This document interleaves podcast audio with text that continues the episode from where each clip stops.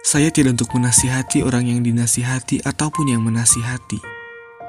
Sedikit berbelit-belit, tapi sudahlah. Anggap saja ini sebagai kontemplasi, masukan baik untuk hati, atau juga alat bantu untuk memperbaiki diri. Kita ambil dahulu kata dasar dari apa yang akan kita bahas kali ini. Nasihat. Menurut Kamus Besar Bahasa Indonesia sendiri, nasihat merupakan sebuah ajaran atau pelajaran baik dan bisa juga berbentuk petunjuk, peringatan, bahkan juga teguran. Atau meskipun tidak perlu dijelaskan, pasti kita sudah mengetahui arti dari kata ini. Maksud dari kata ini sangatlah baik, tapi sering kali kita mengalami masalah dengan sebuah nasihat. Itu yang akan kita bahas. Kesalahan adalah suatu hal wajar yang ada dalam setiap diri manusia. Bahkan manusia yang memiliki derajat tertinggi di mata Tuhannya pun pernah ditegur atas kesalahannya. Dari setiap kesalahan yang pernah kita lakukan, tentunya akan ada ajaran atau masukan yang baik untuk memperbaiki kesalahan kita. Jika tidak, maka entah sekarang dunia akan seperti apa. Terdapat dua pihak yang dilibatkan oleh sebuah kata nasihat, yaitu dia atau mereka yang dinasihati dan yang menasihati. Dua pihak yang berbeda peran, para penerima nasihat yang sering kali tidak suka penasihatan. Dan bukan hanya kalian, saya sendiri pun masih, tapi tidak suka diperlihatkan dan tidak juga kelamaan. Di awal nasihat masuk, hati saya tidak langsung terketuk. Ada sedikit jeda untuk amarah saya mereda, tapi tidak untuk waktu yang lama. Di sana kita harus mulai menerima bahwa memang ini salah saya. Dan saya yakin kalian juga ada yang sama, tapi semoga bisa lebih baik dari apa yang saya barusan cerita. Ini seperti hal biasa yang tidak baik untuk dikonsumsi kita semua. Memang sulit jika kita menerima nasihat saat sedang emosi-emosinya. Yang ada di pikiran kita hanya bagaimana cara mengeluarkan amarah ini kepadanya. Jika begini apakah bisa disebut wajar? Atau kita masih kurang belajar? Mungkin memang sedikit waktu diperlukan di sini. Waktu sudah diberi untuk kita meredakan emosi. Nasihat mulai keluar dari mulut para penasihat Lalu bagaimana selanjutnya?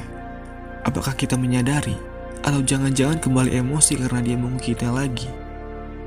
Mau sampai kapan kita terus begini? Dia berniat untuk memperbaiki, tapi kita masih tetap belum menerima masukan ini. Mungkin ini saatnya kita mulai merenungkan diri bahwa memang hidup ini perlu banyak masukan dari orang-orang yang lebih mengerti. Nasihat telah diberi berkali-kali. Marilah, ini saatnya kita membuka hati. Sekarang kita beralih kepada para penasihat. Penasihat yang memiliki peran penting di sini memiliki tanggung jawab yang amat tinggi.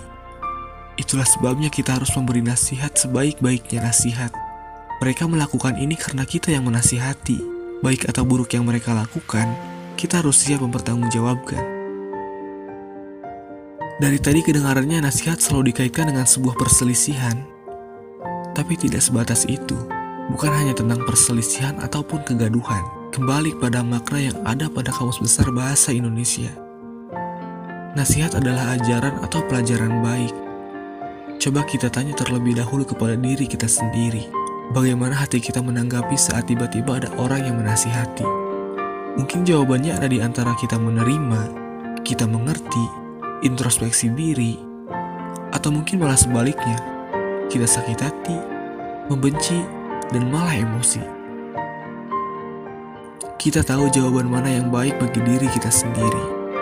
Nasihat itu ajaran atau pelajaran baik.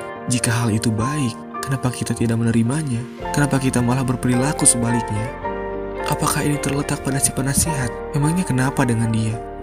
Apa karena dia bukan siapa-siapa jadi kamu tidak memperdulikannya? Apa karena dia di bawah kita jadi kita tidak menganggapnya? Kembali pada makna.